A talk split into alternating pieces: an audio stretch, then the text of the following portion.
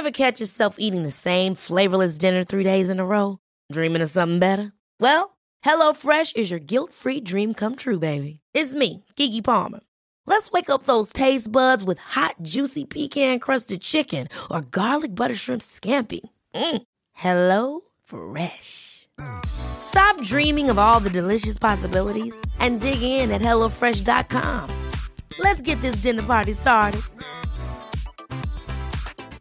Quality sleep is essential. That's why the Sleep Number Smart Bed is designed for your ever evolving sleep needs. Need a bed that's firmer or softer on either side? Helps you sleep at a comfortable temperature? Sleep Number Smart Beds let you individualize your comfort so you sleep better together. JD Power ranks Sleep Number number 1 in customer satisfaction with mattresses purchased in-store. And now, save 50% on the Sleep Number limited edition Smart Bed for a limited time. For JD Power 2023 award information, visit jdpower.com/awards. Only at a Sleep Number store or sleepnumber.com. Many of us have those stubborn pounds that seem impossible to lose, no matter how good we eat or how hard we work out. My solution is PlushCare. PlushCare is a leading telehealth provider with doctors who are there for you day and night to partner with you in your weight loss journey. They can prescribe FDA-approved weight loss medications like Wagovi and Zepbound for those who qualify. Plus, they accept most insurance plans. To get started, visit plushcare.com slash weight loss. That's plushcare.com slash weight loss.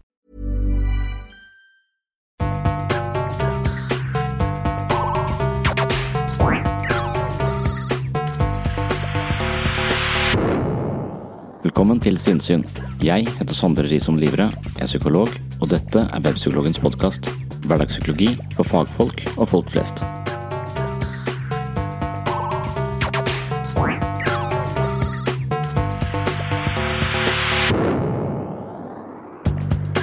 Jeg var innom Norgesklasse på NRK P1 for å snakke om Dr. Phil. Jeg hadde akkurat hørt ham på podkasten til Joe Rogan, og jeg innrømmer at Dr. Phil er en mann som har interessert meg i mange år. Jeg har dessverre sett få av sendingene på TV, men jeg har lest boken hans som heter Life Strategies. Det var en interessant bok av en forfatter og psykiater som snakker rett fra levra. Dr. Phil er en konfronterende terapeut, og i visse henseende kjenner jeg meg litt igjen i en slik terapeutisk stil eller holdning. I denne episoden skal du først få høre et utdrag fra Norgesklasse, hvor vi drøftet Dr. Phil, og deretter skal jeg gjøre litt rede for kognitiv psykologi og hvordan det kan avhjelpe depresjon. Jeg skal rett og slett gjengi hovedpoengene fra en av de første og mest toneangivende bøkene innenfor den kognitive terapien, nemlig boken til Albert Ellis og Robert Harper, som kom i 1961 og heter A Guide to Rational Living. Dr. Phil tilhører også den kognitive skolen når det kommer til mange av hans terapeutiske teknikker, og han har dessuten en tydelig forankring i atferdsterapi. Selv har jeg aldri identifisert meg som en kognitiv terapeut.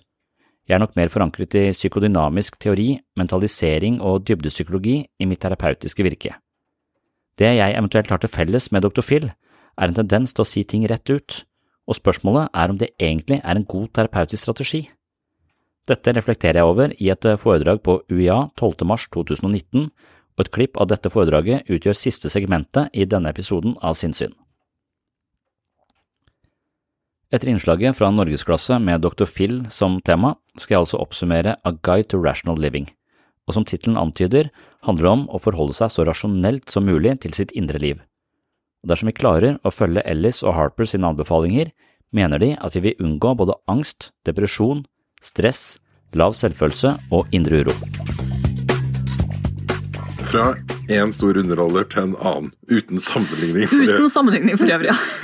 I 16 år har Amerikas mest kjente psykolog, dr. Phil, underholdt og gitt råd til nordmenn gjennom TV-skjermen. ja. I sort dress og med perfekt frisert bart i nydelig American talkshow-style, selvfølgelig. Slik må det være. Ja. Men vi liker det vel også litt på grunn av de eh, litt sånn overdramatiske livsutfordringene som deltakerne kommer med. Eller er dr. Phil, eller Philip McGraw som han egentlig heter, blitt en slags folkelege som faktisk gir nyttige tips? Han har vært med så lenge på dagtid-TV at noe må vi jo ha lært, men spørsmålet er hva har vi lært? Best av alt, dobbel CD. Du er hjemme fra jobb, ligger i sofaen og er syk.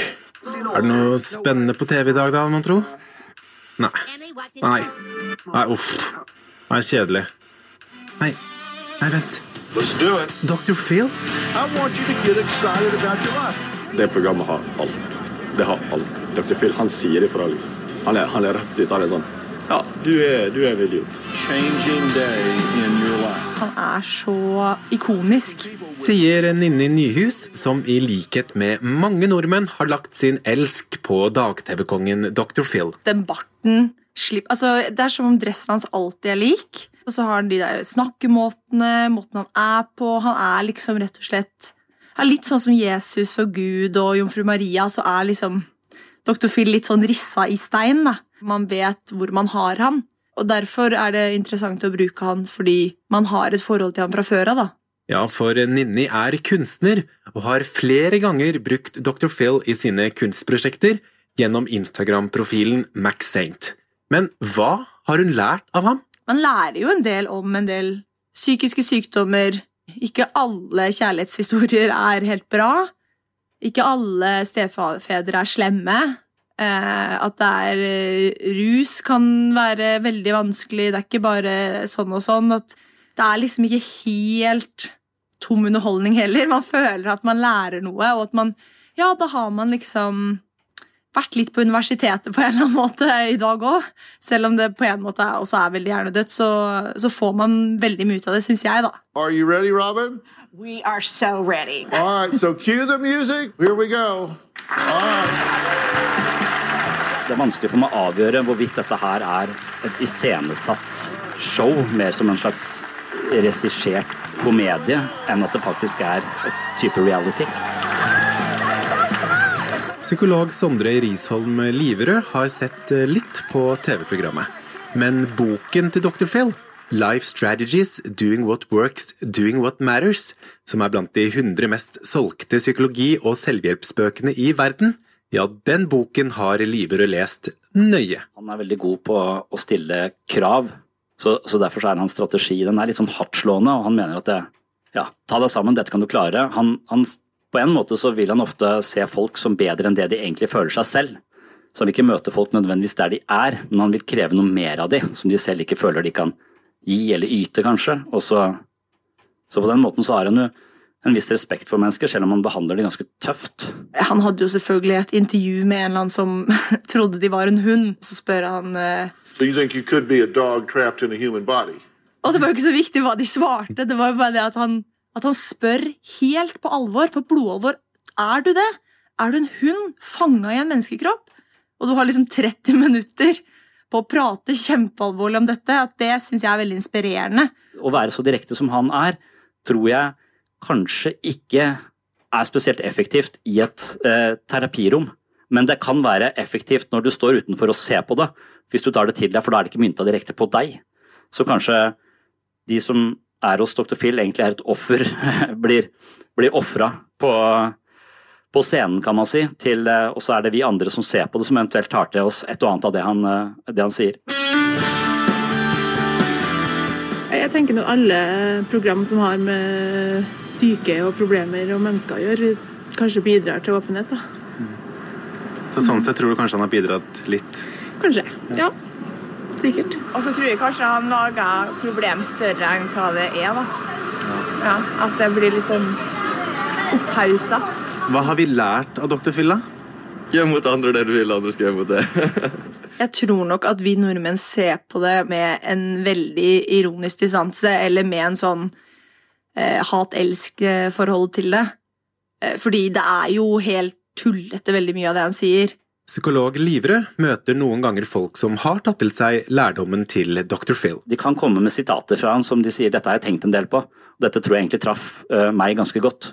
Så, og da tenker jeg da har det jo hatt en viss, uh, viss effekt. Thanks for being here today. So long.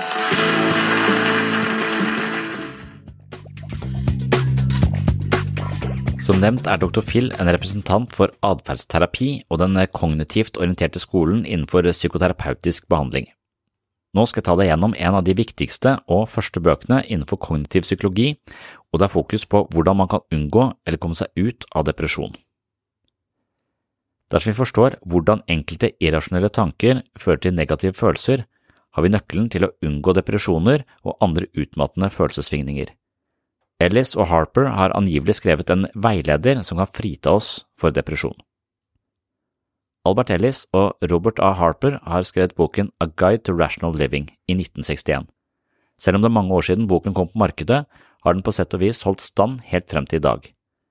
Boken står som en slags grunnpilar i det som kalles kognitiv psykologi, og boken presenterer publikum for det som ble kalt Rational Emotive Therapy. Ellis og Harper hevder at følelser er et resultat av tanker, ideer, holdninger og tro. Her går de imot den freudianske tradisjonen som ofte tolker følelser som et resultat av undertrykte ønsker og behov. I denne tradisjonen er det ikke ubevisste krefter som styrer livet vårt, men snarere den indre dialogen vi har med oss selv gjennom hele dagen. Når alt kommer til alt, er det hva vi sier til oss selv, og alle tankene som løper gjennom hodet vårt, som representerer vår livsfilosofi. Hele vårt psykologiske klima kan endres dersom vi er villige til å forandre litt på det vi stadig forteller til oss selv om oss selv. A Guide to Rational Living påstår at vi med ganske enkle psykologiske grep og mental disiplin kan sørge for at vi aldri kommer til å bli deprimert igjen. Det er vitterlig en ganske pretensiøs påstand, men boken synes å levere godt ettersom den fremdeles selger bedre enn tusenvis av andre konkurrerende bøker på markedet. Et av kapitlene handler om hvordan språket definerer oss. Språket er en viktig del av det å være menneske. Vi har en tendens til å formulere våre ideer og følelser ved hjelp av ord og setninger. Dersom eh, vi er det vi tenker, vil forandring kreve at vi først og fremst tar en titt på våre indre samtaler. Snakker vi til oss selv på en oppløftende måte som tjener oss vel, eller har vi en tendens til å være selvkritiske og devaluerende? Selvutvikling handler i så henseende om å undersøke hvordan man tenker om seg selv, og eventuelt revurdere sine oppfattelser. Utfordringen er at eh, våre vanligste tanker repeterer seg selv hele tiden, og vi tenker mye vi ikke engang legger merke til, og sånn sett kan det tenkes at vårt eh, psykiske apparat på sett og vis skravler til seg selv på en negativ måte uten at vi får det med oss. Det kan ende med lav selvfølelse og manglende tro på egne evner, uten at man klarer å gjøre rede for hvorfor man oppfatter seg selv som inkompetent og mindreverdig. Det er også maktpåliggende at vi er litt mer interessert i de indre samtalene som definerer oss, nettopp fordi de ligger til grunn for alle våre opplevelser av oss selv og livet. Det neste kapitlet i boka til Ellis og Harper handler om at logikken svikter, og når logikken svikter, da er det de irrasjonelle følelsene som overtar. I den kognitive tradisjonen handler terapi om å oppdage logiske brist eller selvdevaluerende tanker på repeat. Man antar at tankene våre genererer følelser, og dersom vi stadig føler frykt, sjalusi, uro, håpløshet eller andre destruktive følelser, handler det om at setningene vi sier til oss selv er influert av negativitet. Sjalusi kan komme av indre stemmer som forteller oss at vi ikke er verdifulle nok, og dermed går vi rundt med en frykt for å bli forlatt. Alle mennesker er i utgangspunktet like mye verdt. Det lærer vi fra alle de store visdomstradisjonene, men eh, mange går rundt med gjentagende tanker som overbeviser dem om at de ikke er like verdifulle som andre. Det er på sett og vis en logisk brist som frarøver oss livskvalitet og genererer et spekter av negative følelser. Den kognitive tradisjonen anbefaler oss å utfordre våre indre dialoger med en type sokratiske spørsmål. Istedenfor å leve i pakt med den indre skravlingen, skal vi stille noen kritiske spørsmål som krever at vi revurderer noen av våre grunnantagelser. Den typen spørsmål til seg selv kan virke naivt, men dersom man gir det en sjanse over litt tid, blir det tydelig hvordan setningene eller merkelappene vi administrerer i kjernen av vårt psykiske liv, virkelig former alle våre opplevelser. Ellis og Harper lurer på hvordan det kan ha seg at mennesket har landet på månen og oppdaget atomer, men ikke klarer å hjelpe seg selv ut av dårlig humør. I forlengelse av dette påpeker de at en depresjon alltid er en sinnstilstand. En sinnstilstand trenger ikke å være noe fastlåst, men snarere noe vi kan påvirke avhengig av hvordan vi bruker hodet. Når vi er nedstemte etter et samlivsbrudd eller etter å ha mista jobben, er det forståelig at vi føler det slik. Men dersom vi lar denne følelsen få lov til å utfolde seg fritt, kommer den til å vokse og bli stadig sterkere. Her påpeker Ellis og Harper den såkalte snøballeffekten, hvor vi etter hvert blir eh, nedstemte på grunn av vår egen nedstemthet. Istedenfor å la en situasjon affektere hele livet, foreslår Ellis og Harper at vi bør innta et mer rasjonelt perspektiv. I boken A Guide to Rational Living poengterer de at det er omtrent umulig å bli værende i dystre følelser dersom vi ikke aktivt opprettholder dem ved hjelp av repeterende tanker. Det vil si at repeterende negative tanker stadig gir ny næring til de destruktive følelsene. Negative tanker kan vi holde varme i sinnet så lenge vi gjentar dem for oss selv. Dersom vi bestemmer oss for å slutte å repetere de negative tankene, vil vi heller ikke beholde de negative følelsene. Albert Ellis advarer oss mot psykofarmaka allerede på 1960-tallet.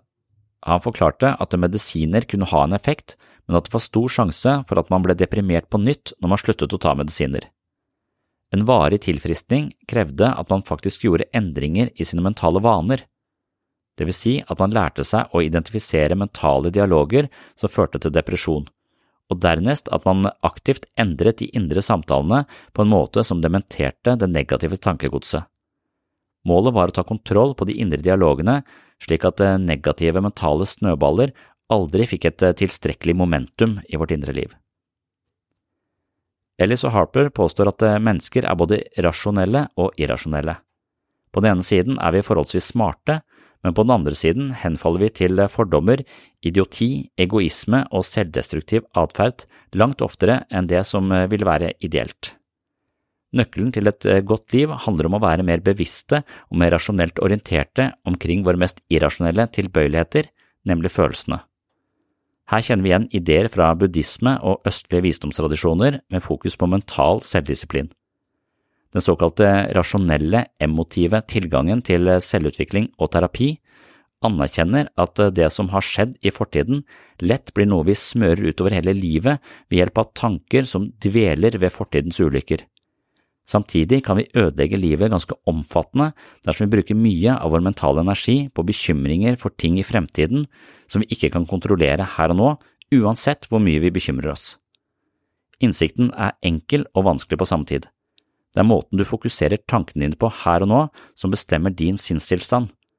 Her har man i prinsippet all makt, men de fleste av oss havner i ulike mentale fallgruver som handler om hvordan vi bruker hodet på en måte som forstørrer det destruktive på bekostning av livsglede. Med dette avslutter jeg det andre segmentet i dagens episode. Nå skal jeg tilbake til terapeutisk stil og reflektere over hvordan man hjelper mennesker på best mulig måte. Er det best å stille krav og konfrontere mennesker som tenker irrasjonelt og oppfører seg emosjonelt, eller bør de møtes med varme, omsorg og støtte? Vi tar turen til Universitetet i Kristiansand, avdeling Grimstad, men før det skal du få høre hvordan det gikk med Harald Eia når han var i behandling hos en psykiater. Ja, det er en annen ting vi skal snakke om. For det, det, er, jo, det, er, jo, det er jo en grunn til at vi får alle disse klagebrevene, Harald. Det er deg. Jeg fikk, ingen, jeg fikk ingen klagebrev før jeg ble kjent med deg, Harald. Eh, Jeg har fått klagebrev siden jeg var bitte liten, nesten nyfødt. Da kom det første klagebrevet. Ja, jeg skjønner. Det var moren din som skrev inn. Ja. Men jeg må vise dere en leder i den kristne dagsavisen Dagen, hvor redaktør Finn Jarle Sæle Du mista jobben i går. Flott. Gratulerer. Det var, eh, det var veldig dumt, syns vi. Du har skrevet en leder hvor som det står 'psykiatrisk observasjon'. Og der eh, skriver du bør ikke NRK sende mannen i åpen post til psykiatrisk observasjon. Den mannen er deg, Harald? Ja, mann med, ja, mann med stor M, da. Ja, det er liten der, dessverre. Um, de er nemlig det vi på godt norsk kaller syke. Veldig morsomt, da. Veldig morsomt. Men det er, altså, Mulig det er morsomt for deg, men det er ikke så veldig hyggelig. Nei, nei, nei. og Vi tok ham på alvor, Harald, og vi ordna en time hos en psykiater. Dyktigste i byen. Billigste i byen, Harald. Jeg føler meg jo veldig fin og sånn, eh, men siden det sto der med at jeg var psykisk syk, så tenkte jeg det var like, greit å sjekke det i tilfelle. Bare få det svart på hvitt, liksom, at man er normal. Sånn som Bondevik. Uh, Så da tenkte jeg jeg kunne ta en prat med deg, siden du er psykiater og ja, jeg var helt sikker, liksom. Hallo. Ja, ja. Jeg kan jo Jeg vet ikke hvordan det foregår. Jeg kan fortelle litt om meg sjøl, kanskje. Jeg, er 33 år. Om det er noe du kan Hva sa du? Jeg hørte ikke hva han sa. Jeg... Du er sønnen min. Å ja. Og det er sånn derre ja, Sånn opplegg eh, Ja, du, du tror det? Jeg ligner jo kanskje ikke så mye, men Nå er jeg onkel Bjarne. Du er onkel Bjarne, ja. Da betta begynner å ligne så... Hvem liker du best i bobbysocks? Eh, Bobbysocks. Begge to er veldig eh, Hvis jeg først må velge hm? Hva sa du? Jeg må velge. Jeg liker Hanne Krogh. Liker jeg best. Han er norsk og liksom. Mm. Feil. Ja vel. Velg igjen. Jeg liker Bettan best. Mm. Det tror jeg Da velger jeg det. Det er kjæresten min. Det, da? Kan jeg Du gå? kan bli frisk hvis du gjør en ting. Hva da? Hva er det jeg skal gjøre for å være frisk? Bli frisk? Hva som helst. Blås på nesa mi. Ja, det kan jeg. For den er litt våt.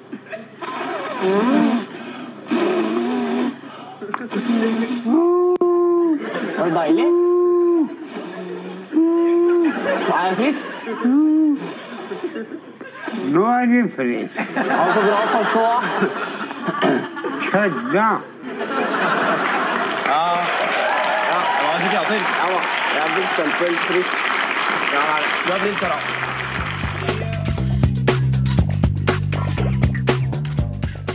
Det er også en måte å forstå mønsteret i kjærlighetsbånd på. At jeg, alle mennesker ønsker å bli elska, og hvis vi blir elska på en bestemt måte, så vil det være noe vi ønsker å Noe vi, noe vi får tilkjemper oss på en måte nødvendig kjærlighet eh, på. Så Derfor så vil eh, de fleste, alle disse utviklingspsykologiske teoriene si at det, eh, alle mennesker trenger trygghet og ubetinga kjærlighet. Da.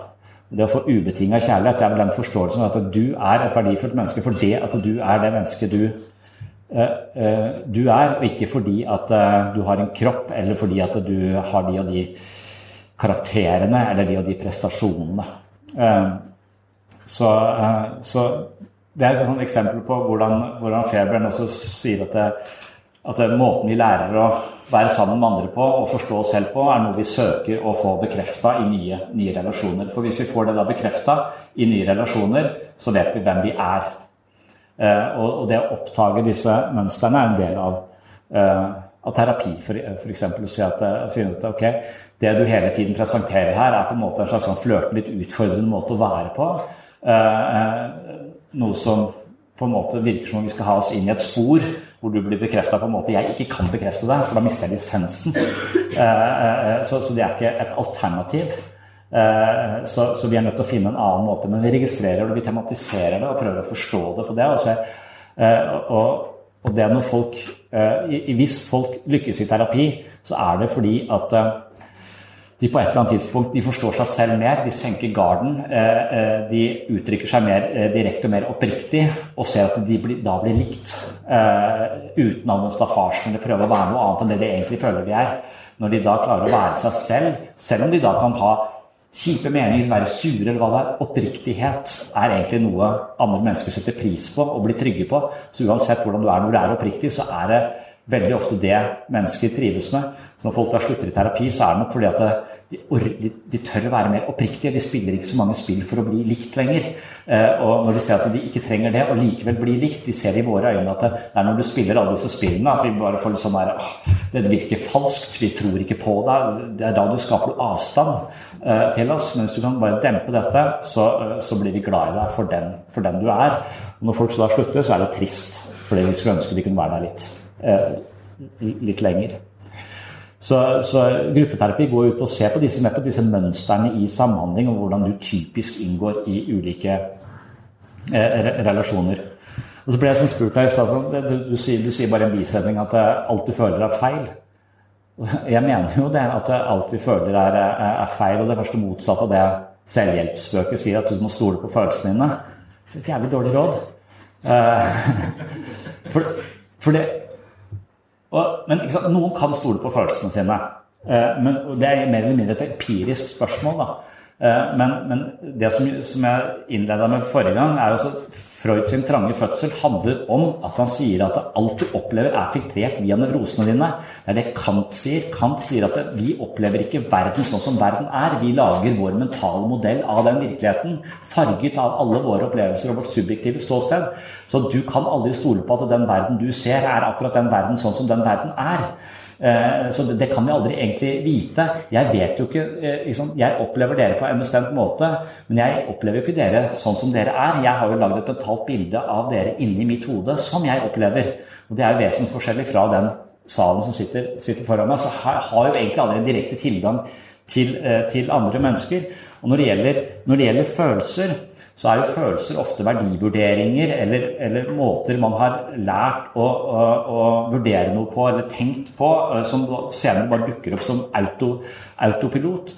Når det gjelder spesielt dette med mønster i kjærlighetsbånd, hvis vi har mange objektrelasjoner som sier at vi Eller mange, mange møter med mennesker som sier at vi ikke er gode nok eller er litt dårligere enn de, eh, så vil ofte det være eh, den følelsen vi har. Vi vil tenke at ja, nå ble jeg bedt med der, men men jeg føler ikke det er, er riktig. Nå ble jeg utfordra til å ta den jobben, jeg føler ikke det helt er riktig. Altså, veldig ofte så vil følelsene våre uh, spille på lag med identiteten vår og den måten vi har blitt møtt på. Uh, og hvis vi da har en negativt selvbilde, så vil alle følelsene våre ofte spille på lag med det. Eller hvis vi er vant til å bli behandla dårlig i en relasjon, Eh, eh, til andre. De relasjonene vi har vært i, har ofte behandla oss dårlig. Kanskje ikke nødvendigvis fordi den andre personen er et dårlig menneske, men fordi du alltid legger deg under, f.eks. Og aldri tar eh, og bestemmer noe som helst. Og den andre er nødt til å bestemme alt, så, så du hele tiden havner i en situasjon hvor du blir bestemt over. Det er mange som sier til meg at altså, ja, jeg er en kasteball i systemet. Altså, ja, det, det, kan godt stemme, så lenge du ikke går i en retning selv. Eh, bare presenterer lidelse og problemer, ikke har noen ønske eller legger noen føringer for hva du trenger av oss, så gjør vi vårt beste og prøver å hjelpe deg sånn vi tenker at du, uh, du trenger den hjelpen. Men så lenge ikke noen ikke så lenge du har noen kurs i ditt eget liv, så vil du oppleve deg som en kasteball, for vi vil prøve vårt beste til å prøve å plassere deg der du kanskje hører hjemme, men du vil alltid føle at det er feil, for du vil føle deg som et overtramp. Uh, så så lenge du har fraskrevet deg Eh, på en måte ansvaret for å bestemme noen retning i ditt liv, så blir du en kasteball, da.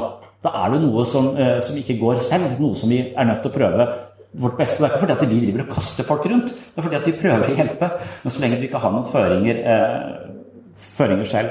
Så, så, så, så, jeg tenker at det, hvis du har opplevd hele livet ditt å bli bestemt over, og når du da kommer i behandling og eh, ikke tar noen ansvar selv for den retningen, så, så gjenskaper du bare dette mønsteret hvor du blir bestemt over. Eh, og da er det viktig å, ikke, da er det viktig å se det. Det er jo terapi. Det er å se det mønsteret. Nå skjer det samme. Nå blir du denne ballen. Eh, jeg vil ikke, behandle, jeg vil ikke oppføre meg som om du er en ball. Jeg nekter å kaste deg noe som helst sted. Hvis du skal hjelpe her, så må du også være med og bestemme hva slags hjelp det skal være. For Hvis ikke så blir du denne kasteballen som vi er nødt til å bryte disse, disse mønstrene. Så, da, Kvinnen som blir slått, hun snakket om sist eh, altså at eh, hvis du er vant til å kjenne deg selv som en person som eh, blir kua av andre mennesker, og plutselig da møter et menneske som ikke kuer deg, så vet du ikke hvem du er lenger. Og den der følelsen av ikke vite hvem man er, er mye verre enn følelsen av å vite at jeg er en person som blir slått.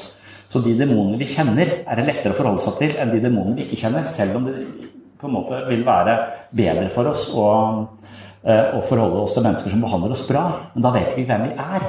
Det er derfor disse ideene eh, Vi har fått dette operativsystemet som er installert av de objektrelasjonene eller de menneskene vi har møtt på vår vei. De blir toneangivende for hvordan vi opplever oss selv. Og vi ønsker ikke å få denne virkelighetstunnelen, denne identiteten vår, skaka så veldig mye, for da veit vi ikke hvordan vi skal håndtere morgendagen. Og det også på en måte begynne å se på seg selv som helt annerledes enn det du har pleid å se deg selv som, det er angstprovoserende. Det skaper masse angst. Så da vil folk heller tviholde på det de kjenner. Eh, på en måte, og Det er, det, det er liksom skjebnens ironi, og det som er så destruktivt med psykologi, er at hvis du blir behandla veldig dårlig, eh, så vil du ofte føle deg skyldig. og Det er som i Fairbairn sin idé om dette med barnet. Jeg vet ikke, jeg håper dere forsto eh, hvorfor, hvorfor, barnet trenger å, trenger å se på seg selv som den skyldige. Altså, skjønner dere den, der, den, den snuoperasjonen der sånn? altså Viser at det, du er maktesløs, og verden behandler deg dårlig. Eh, og du gjør så godt du kan, så er du en engel i helvete. Men hvis du er i en, en verden hvor folk behandler deg dårlig, men de behandler deg dårlig fordi du er slem, Da er det mye lettere å forholde seg til. Da er det kontroll. Da er det en balanse. Det er en viss balanse at jeg er en dårlig person, derfor så behandler de meg eh, eh, dårlig. Da eier du problemet. Men hvis du er bare en god person som blir behandla dårlig, så er du på selv ikke er mulig å være for et barn som ikke har innflytelse i sitt eget liv på det nivået et voksenmenneske har. Og hvis det blir mønsteret i, i måten å tenke på at det er min skyld, det er sikkert min skyld, det er sikkert pga. meg, det er sikkert min feil, det har du. Det var en overlevelsesmekanisme når vi vokste opp. Det var sånn det måtte være for å i det hele tatt føle noe som helst kontroll på tilværelsen. Så kan det bli et mønster som du også tar med deg inn i voksenlivet, og en måte å tenke om seg selv på i de fleste situasjoner. Så hver gang du kommer i en konflikt, så tenker du det er sikkert min feil, det er jeg som er dårlig, det er jeg som misforstår. Så du hele tiden blir selvhenførende og tar det på, på, deg selv. Det blir et mønster i måten du tenker om deg selv. Det blir din identitet. Og det å si at det, nei, det er sikkert jeg som har rett her, å stå på sin sak, det har du ikke noe erfaring med. Da får du plass for ansvar. For du, du, skal bestemme noe. Eh, folk hører på deg eventuelt. Altså det, det, det, vil kanskje være bedre, men det vil også være veldig angstproduserende. Life is full of what ifs. Some awesome, like what if AI could fold your laundry? And some, well, less awesome, like what if you have unexpected medical costs? United Healthcare can help get you covered with Health Protector Guard fixed indemnity insurance plans they supplement your primary plan to help you manage out of pocket costs. No deductibles, no enrollment periods, and especially no more what ifs. Visit uh1.com to find the Health Protector Guard plan for you. Hold up. What was that? Boring. No flavor. That was as bad as those leftovers you ate all week. Kiki Palmer here, and it's time to say hello to something fresh and guilt-free. Hello Fresh. Jazz up dinner with pecan-crusted chicken or garlic butter shrimp scampi. Now that's music to my mouth. Hello Fresh. Let's get this dinner party started. Discover all the delicious possibilities at hellofresh.com. Quality sleep is essential. That's why the Sleep Number Smart Bed is designed for your ever-evolving sleep needs. Need a bed that's firmer or softer on either side? Helps you sleep at a comfortable temperature? Sleep Number Smart Beds let you individualize your comfort so you sleep better together. JD Power ranks Sleep Number number 1 in customer satisfaction with mattresses purchased in-store. And now, save 50% on the Sleep Number limited edition Smart Bed for a limited time. For JD Power 2023 award information, visit jdpower.com/awards. Only at a Sleep Number store or sleepnumber.com. Jeg har sittet på, uh, på, en, på, på og kontoret mitt så var det som i gangen så var det to sånne veldig unnvikende mennesker som møttes og skulle prøve å bli kjent. Uh, men, men begge de to menneskene hadde vokst opp på listesko og var hele tiden opptatt av andres behov. Hvordan skal jeg være nå for at eh, det skal være greit for foreldrene dine? Hvordan skal jeg være nå for at pappa ikke skal eh, bli forbanna? Altså, de er innmari gode på å drive og monitorere omgivelsene sine og tilpasse seg selv ut ifra de omgivelsene. Så de, de, aner ikke noe om hva de selv vil, de tar ikke noe plass. Men de er veldig, det eneste de tenker er hvordan skal jeg være for at denne situasjonen skal bli best mulig for deg? Eh, og når de to da møtes utenfor mitt kontor også, og bestemmer seg for å gå på kino, så tenker jeg ja, det blir interessant. Hvilken film skal vi se? Det er samme for meg, bare bestem du. Nei, men det er det samme for meg også, bare, bare bestem du. Nei, nei, nei, men jeg trenger ikke det. De kommer seg faen ikke på kino, for ingen av dem vil ta ansvar for hvilken film de skal se. For hvis de tar ansvar for å se en film, så må de også ta ansvar for hvis den filmen er dårlig, så har de brukt den andre sin tid i to timer på en film som ikke var verdt å se, og det føler de som sin feil. Den, den, det ansvaret kan de ikke ta på en måte. Så man kan si at det er, det er et mønster, det er et unnvikende mønster, en frykt for å ta plass. Fordi de har en erfaring på at de ikke har fått lov til uh, å ta plass. Men de blir også selvutslettende, usynlige mennesker. Uh, og, og, da ble jeg litt sånn små utålmodig. Så jeg tenkte nå for faen ta bestemmer hvilken film. Dette her handler om å ta ansvar for uh, Men det er mønster i måter å være på sant, som gjenspiller seg. Og når sånne mennesker møter andre mennesker som liker å bestemme og utnytte folk, så blir de utnytta. Det er livsfarlig å være på den måten her sånn. Hvis ikke dere klarer å velge en film, så kommer dere til å bli eh, mishandla av en eller annen jævel i neste sving. Så dere må begynne å ta ansvar, dere må begynne å stå opp, må begynne å ta plass, må begynne å tro på dere selv. Hvis ikke så er det helt fucked. Da tør jeg ikke å slippe dere ut i verden. Tenkte jeg inne på dørpost, men de måtte ut, for det, de kan bare være der 14 dager i gangen. Og da kan jeg høres litt sånn irritert ut, men, men det Og jeg, er ikke, jeg er ikke irritert, jeg er mer sånn engasjert. Altså, jeg tenker at det, Noen ganger så tenker så Det å forstå mennesker kan være en ting å støtte de og forstå dem, men, men jeg tenker, ser jo også på, på, på min jobb også å se mennesker som bedre enn det de selv ser, ser seg. For hvis du ser mennesker akkurat sånn de selv føler seg, så gjør du de middelmodige og dårlige. Men hvis du ser mennesker som litt bedre enn det de egentlig er, så har de sjanse til, til, å vokse. Og det er nok mye av det, for dere er jo normalbefolkningen, men jeg møter mennesker som ofte ser seg selv mye lavere enn det potensialet de egentlig har, fordi det er et operativsystem som forteller dem at de ikke kommer til å få det til. Og de mangler også da mengdetrening, for de har unngått alle de situasjonene hvor de kunne trent på å bli bedre. Så derfor så er de egentlig ganske dårlige. Eh, men ikke fordi at de er født dårlige, men fordi de mangler mengdetrening pga. et operativsystem som har lurt til å unnvike alle utfordringer i livet sitt. Eh, eller alltid eh, aldri ta plass, eller alltid unnvike, eller alltid bare følt, følt frykten, på en måte.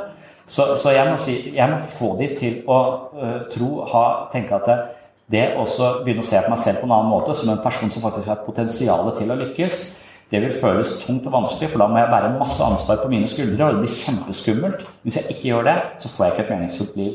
Så jeg må våge å se mennesker som høyere enn det de ser seg selv, og da sier de 'du skjønner ikke hvordan det er å være meg', sier de da. Så blir de, så folk blir forbanna hvis du ikke aksepterer at de er middelmodige og dårlige. Eh, mens du tenker at de har høyere, eh, eh, en høyere mulighet. Hvis du ser dem for høyt, og de føler bare at du helt ikke treffer dem, så mister du dem. Hvis du ser dem akkurat så høyt som de kan klare å vokse opp til, så har du en mulighet til å hjelpe dem på en helt annen måte enn hvis du bare jatter med og, og forstår for mye. ja. Jeg tror ikke jeg har noen sånn bestemt strategi. Jeg tror bare jeg hele tiden prøver å være så oppriktig som mulig. Også når jeg sier at alt du tenker og føler er feil, så tenker jeg det gjelder jo meg òg. Så jeg hele tiden, så det å være jeg er helt refleksiv overfor hva er mitt ståsted, hvorfor tenker jeg sånn, hvorfor reagerer jeg sånn? Også at jeg er oppmerksom på det i møte med den andre og tar høyde for det. Vil gjerne diskutere det også. Eh, men, men, vil, men, men et, et, konkret eksempel er dattera mi på, på ni, år. Altså, Hvordan ser jeg henne som høyere enn det hun selv vil være selv? Det kan godt være jeg bommer. Jeg har nok en tendens til å se barn som høyere fungerer med det de kanskje egentlig, egentlig er. Men, men jeg har så type liksom, jenter ni år, litt konflikter. Og så, så, har hun en sånn posisjon hvor hun, har, hun er ganske populær eh, i, i, klassen. Og det blir litt vanskelig å håndtere for henne. Så er hun sammen med en annen jente også, så plutselig så er det noen som føler seg utenfor. Eh, og da snakker jeg med henne om hva, hva vil det si å være populær? Altså, Hva mener du med det? Eh, jo, det er lett, sier hun. Hvordan blir jeg Jo, da er du bare Du er der det er mest mennesker, der det skjer mest, og så, eh, og så lager du litt gøy, sånn at folk blir oppmerksom på deg, og da blir du populær. Ok, det er, det er eh, ganske greit. Men idet du er populær, så har vi fått tilbakemelding at det er noen som føler at de ikke alltid får være med. Eh, eh, kan, du, eh, kan, du, se at det er noen som ikke får være med? Nei, Det vet jeg ikke noe om. Jeg har ikke stengt ut noen. Bare, men, men, likevel så kan det være noen mennesker som står utenfor her, eller noen av venninnene dine som føler at de ville vært med, men ikke får plass. Eh, og så, så, Ja, men det kan ikke jeg vite, sier hun. Og så jeg, ja, men Hvis du tenker at du skal være, ha den posisjonen du har, så har du mer ansvar enn andre. For de som er populære, de har ansvar for at alle skal få lov til å være med i leken. Uh, uh, og, og, da nekter hun å forstå det. Men jeg tror hun forstår det. For jeg sier at du kan se rundt deg. Hvis det er noen mennesker, noen av venninnene dine som står rundt deg og ser ut som om de ikke vil være med, så kan du invitere dem inn. Og så sier ja, men Jeg kan ikke vite om de bare står utenfor det fordi de ikke har lyst til å være med. Nei, det kan du ikke, men det tror jeg du kan likevel. Jeg tror du kan det. Jeg tror du har kapasitet til å se på et menneske om det er litt lei seg fordi det ikke får være med, eller om du bare har valgt å være ute og er interessert i andre ting. Eh, og, da ser jeg meg Jeg krever noe av henne som hun nekter å ta imot, egentlig. Jeg vil ikke ha det ansvaret. Eh, jeg vil, ikke, jeg vil, bare si at nei, det vet jeg ikke. Jeg aner ikke. Eh, jeg kan ingenting for dette. Men jeg mener at hun har den potensialet i seg, selv om hun bare er ni år.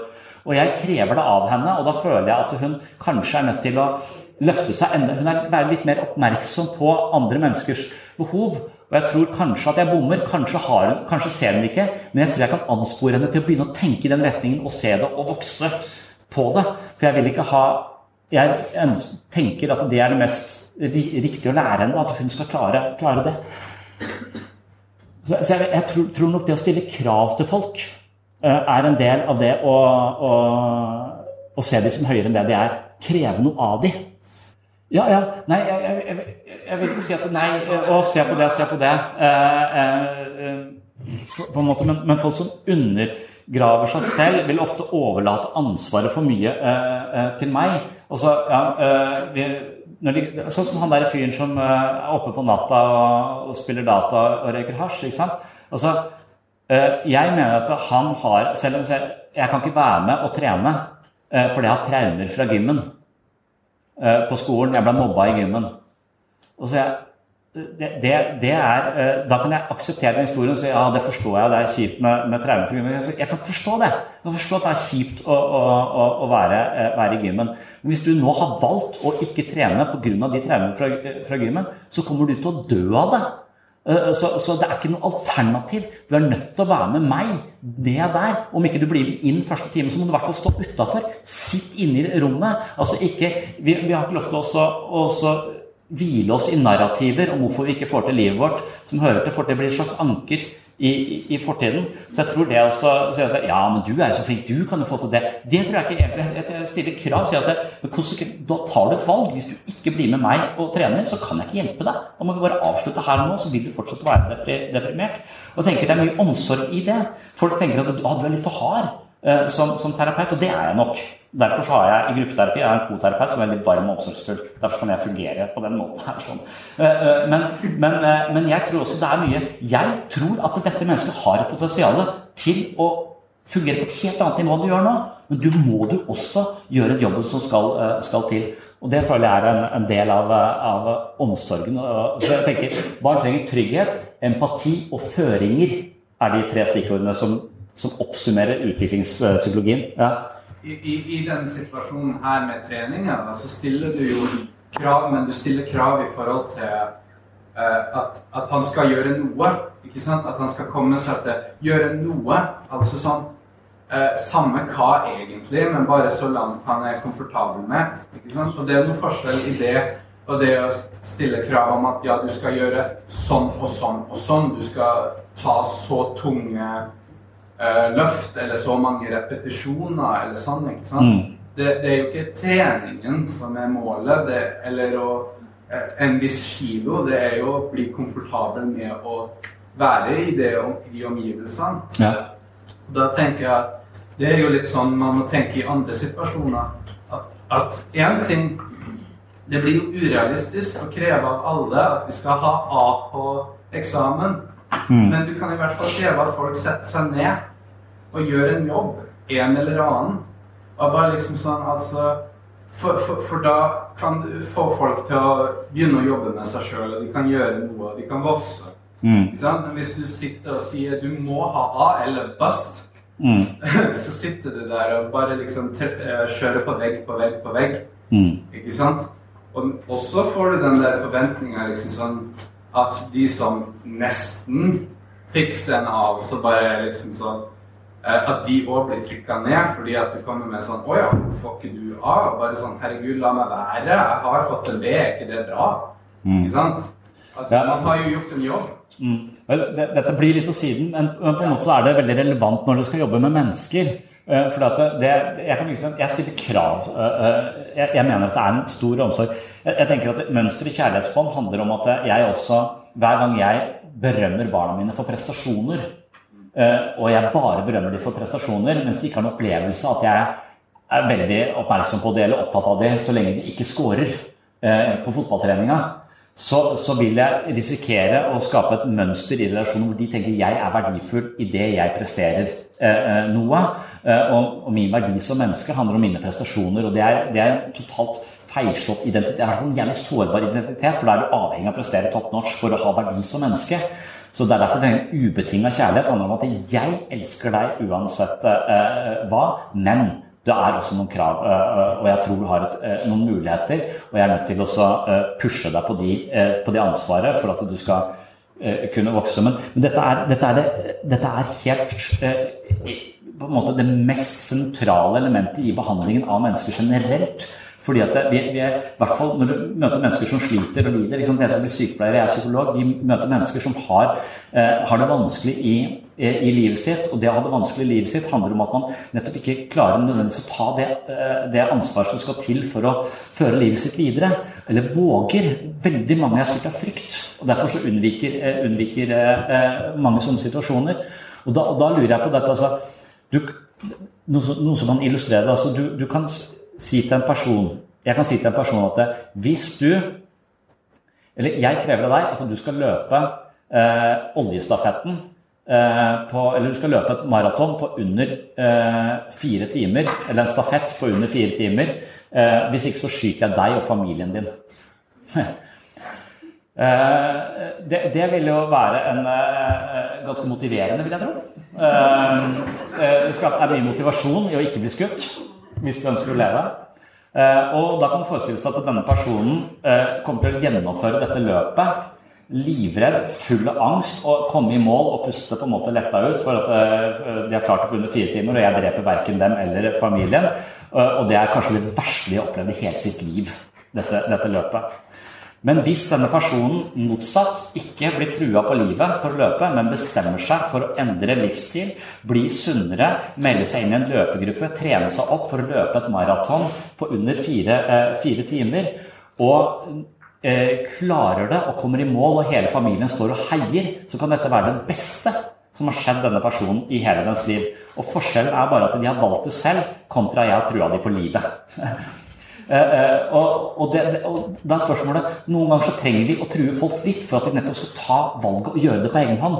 Uh, mens hvis vi truer de for mye, så blir det bare traumatisk. Og Det å finne en balanse mellom å støtte folk og få de til å velge det riktige selv, eller ta ansvar selv, og det å true de til å ta ansvar, det er den derre jeg føler dette, dette er den, den balansen vi står i veldig ofte som, som behandlere. Og noen behandlere er veldig flinke mener at det å være varm og nær og forståelsesfull er riktig veien å gå.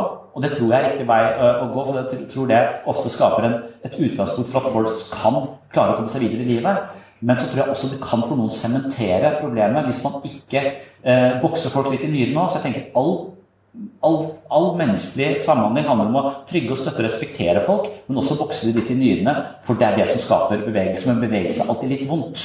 Bevegelse skaper friksjon og, blir, eh, eh, og, er litt eh, smertefullt. Så, det er, det er tricky å, å, å, hjelpe. Hvis du tenker det å hjelpe er å få folk til å føle seg bra, så, så tror jeg vi risikerer å bli litt hjelpekåte. Og at vi selv føler at jeg har hjulpet denne personen, jeg har ringt til Nav og fiksa ditt og ordna datt. Mens egentlig så har det gjort at vi to føler oss bra sammen. Du har blitt mer hjelpeløs, jeg har følt mer mestring. Og, og, og, på en måte dette her, det vi kaller bjørnetjenester. For det å hjelpe folk er ofte å kreve noe av dem som får dem til å føle seg Det skaper ubehag i situasjonen. Du er redd, jeg er litt redd. Skal, det skaper friksjon her, men det er også det som skaper bevegelse. Mm, vi må gå videre. Dette er jo helt på uh, Ja.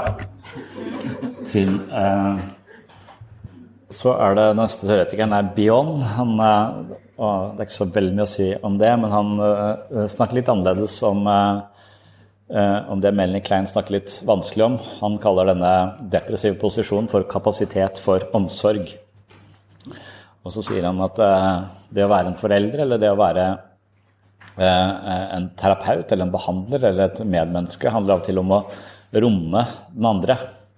Eh, og det eh, handler om å kunne ta imot nonverbal følelsesmessig kommunikasjon. Kjenne etter hva denne kan handle om, og forsøke å kommunisere tilbake en forståelse av hvordan andre har det. Bjørn bruker dette begrepet om å være konstruktiv mottaker av projektiv identifikasjon, og hjelper den andre til å begynne å kunne romme følelsestilstander hun eller han selv har vanskeligheter med å romme. Det er omtrent det jeg tenker eh, det, det er ganske presist. Eh, og, og, det er sånn, akkurat det feltet Det å forstå barn og det å forstå andre mennesker handler om. Eh, litt derfor typisk psykologer har, har veiledere de første fem åra etter, etter studiet. For det å møte andre mennesker som har sterke følelser, som de selv ikke makter å bære, vil ofte på en eller annen måte, sånn som jeg kaller kona mi for sur, projisere disse ut og, bli, eh, og, og, sørge for at andre hjelper til å bære disse posene. Så Man kan av og til se på følelser som poser da, som man bærer igjen fra butikken. Eh, og Hvis man ikke orker å bære posene sine, så må kanskje den som du går sammen med, bære de for deg. Eh, og, og da kan man liksom se litt på følelser på den måten. Eh, Og noen ganger så tenker jeg at eh, noen ganger så kan jeg sitte med mennesker, og så føler jeg meg som en verdens verste terapeut. Jeg føler meg, syns alt er håpløst, jeg syns det er, virker helt umulig. Og, og så får, får, jeg masse sånne destruktive uh, følelser. Og Da kan det hjelpe å ha en, uh, i hvert fall i starten, før du begynte å reflektere nok over deg selv til å forstå dette, så kunne du se at uh, en del av de følelsene du nå har, er ikke nødvendigvis dine i utgangspunktet, men noe som har tatt bolig i deg i møte med de menneskene du har møtt i løpet av denne dagen. Eh, at det er bæreposer til folk som ikke har orket å bære denne følelsen av maktesløshet, og satt fra seg noen av de posene på kontoret ditt.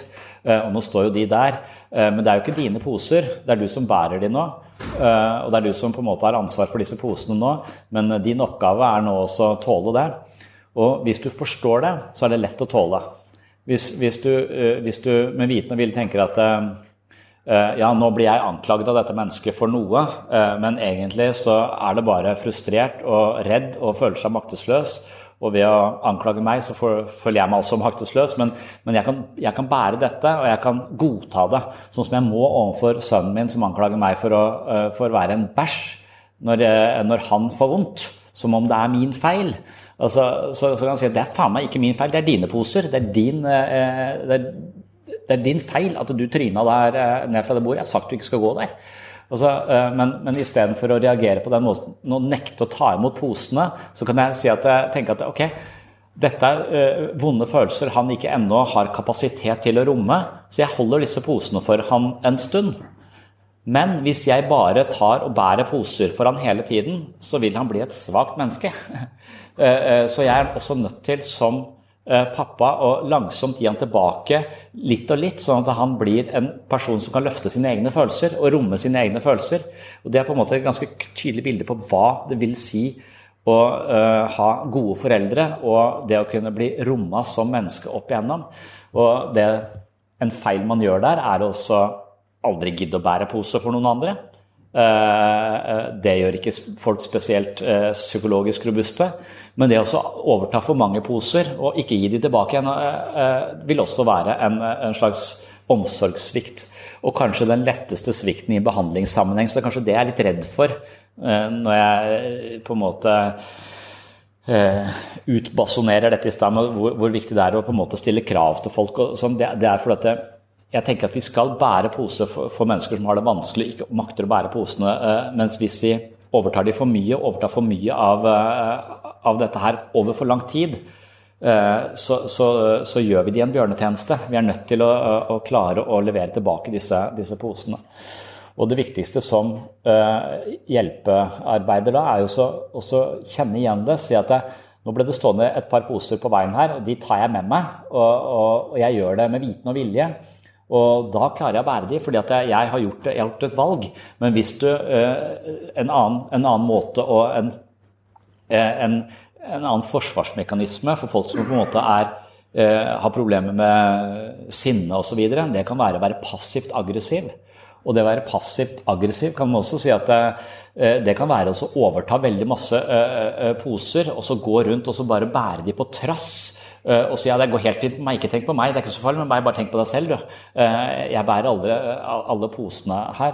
Så man spiller martyren som bærer og bærer og bærer, men aldri får noe tilbake.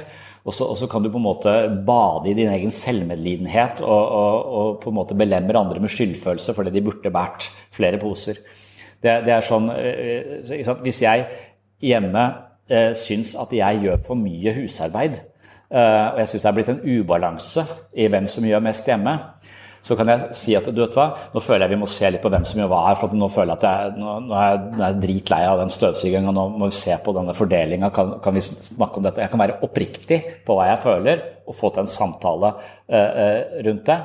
Eller jeg kan bare indirekte få henne til å forstå at hun ikke gjør nok ved å martyrstøvsuge, sånn at jeg støvsuger litt der hun er hele tiden. Men bare sitt og slapp av. Du bare tar beina dine litt opp, så skal jeg gå rundt her.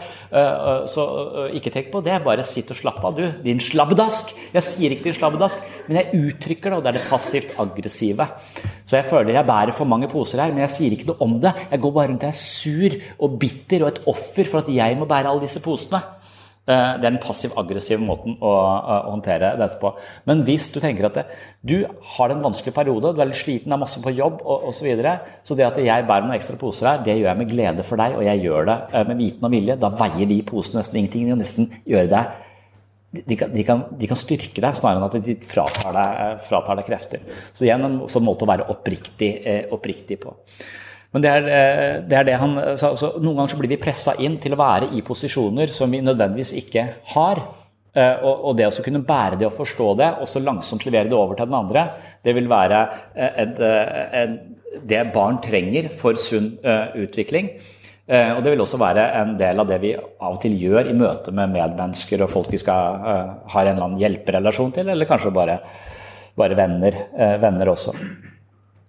Eh, og, og, og Projektiv identifikasjon handler om at du blir tillagt noe som du i utgangspunktet ikke har, men føler at du plutselig har blitt. Uh, og, og, jeg følger dette på joggetur på kvelden.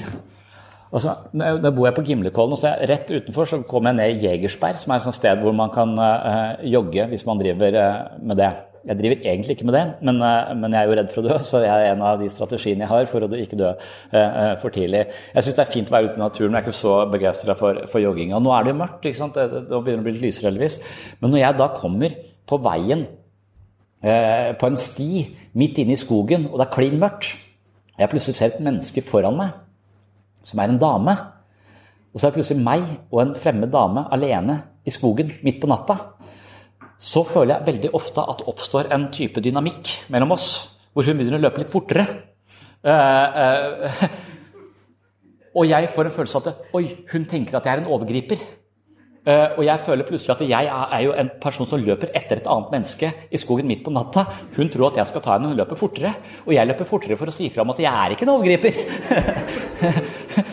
Det kan du ikke si, ikke sant? men, men jeg, jeg, jeg tillegger på en måte, jeg får en følelse av å være noe jeg ikke er. Og jeg får en følelse av at hun opplever meg som en trussel. Jeg har blitt, blitt en trussel, og det er en ubehagelig følelse for meg. Det, det, det, det er et eller annet i meg som, som, som, uh, som kanskje, kanskje, jeg føler at jeg av og til er en trussel. Eh, på en måte. Jeg er ikke en trussel her, men det, er et eller annet, det, beveger noe i meg. Det er en ubehagelig situasjon for meg. Jeg har blitt noe jeg ikke nødvendigvis uh, er.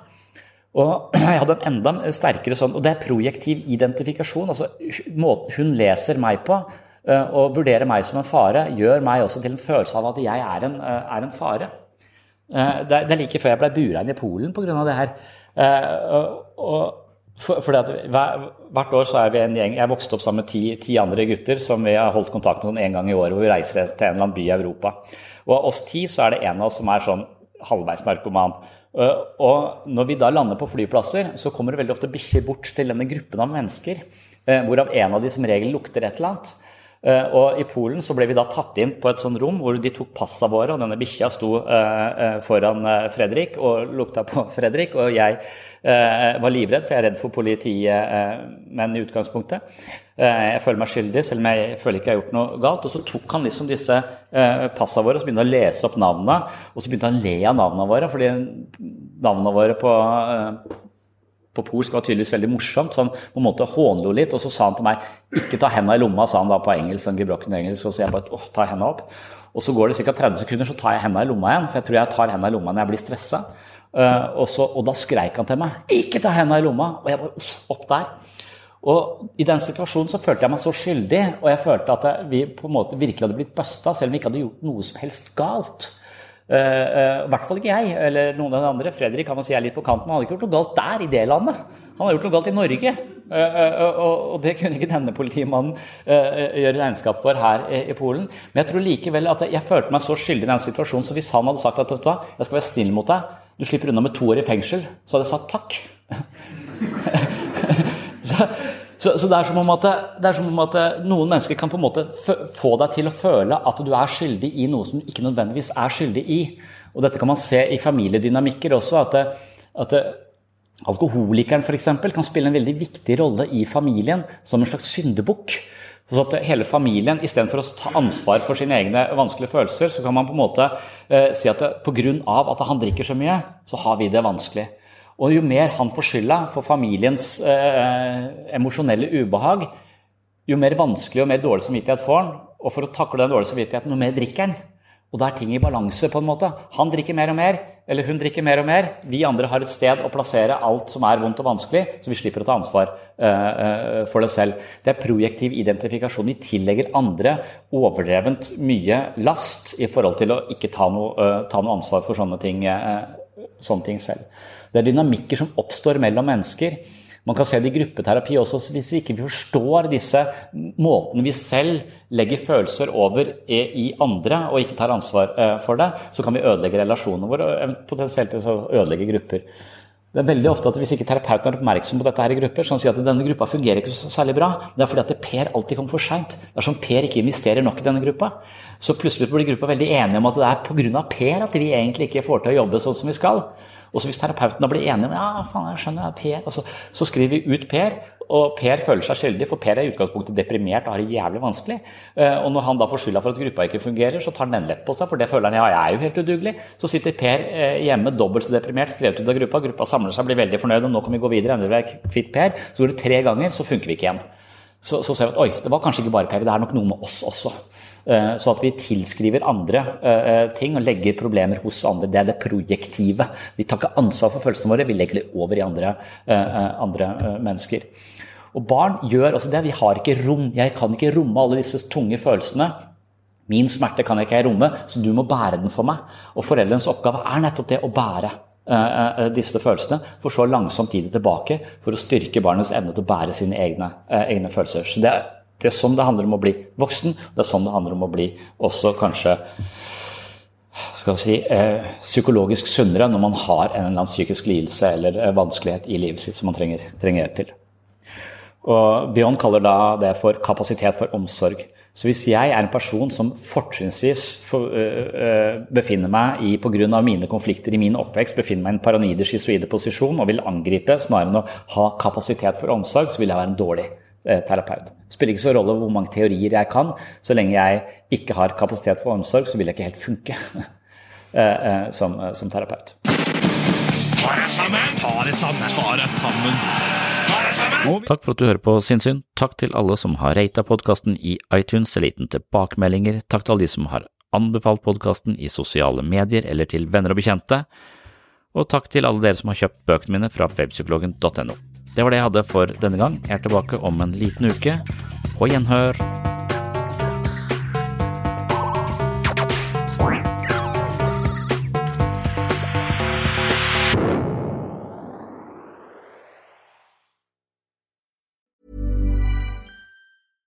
Ever catch yourself eating the same flavorless dinner three days in a row? Dreaming of something better? Well, HelloFresh is your guilt-free dream come true, baby. It's me, Kiki Palmer. Let's wake up those taste buds with hot, juicy pecan crusted chicken or garlic butter shrimp scampi. Mm. Hello Fresh. Stop dreaming of all the delicious possibilities and dig in at HelloFresh.com. Let's get this dinner party started. Even when we're on a budget, we still deserve nice things. Quince is a place to scoop up stunning high end goods for 50 to 80% less than similar brands. They have buttery soft cashmere sweaters starting at $50, luxurious Italian leather bags, and so much more. Plus, Quince only works with factories that use safe, ethical, and responsible manufacturing. Get the high-end goods you'll love without the high price tag with Quince. Go to quince.com/style for free shipping and 365-day returns. Imagine the softest sheets you've ever felt. Now imagine them getting even softer over time. That's what you'll feel with Bowl and Branch's organic cotton sheets. In a recent customer survey, 96% replied that Bowl and Branch sheets get softer with every wash. Start getting your best night's sleep in these sheets that get softer and softer for years to come. Try their sheets with a 30-night guarantee. Plus, get 15% off your first order at bowlandbranch.com. Code BUTTERY. Exclusions apply. See site for details.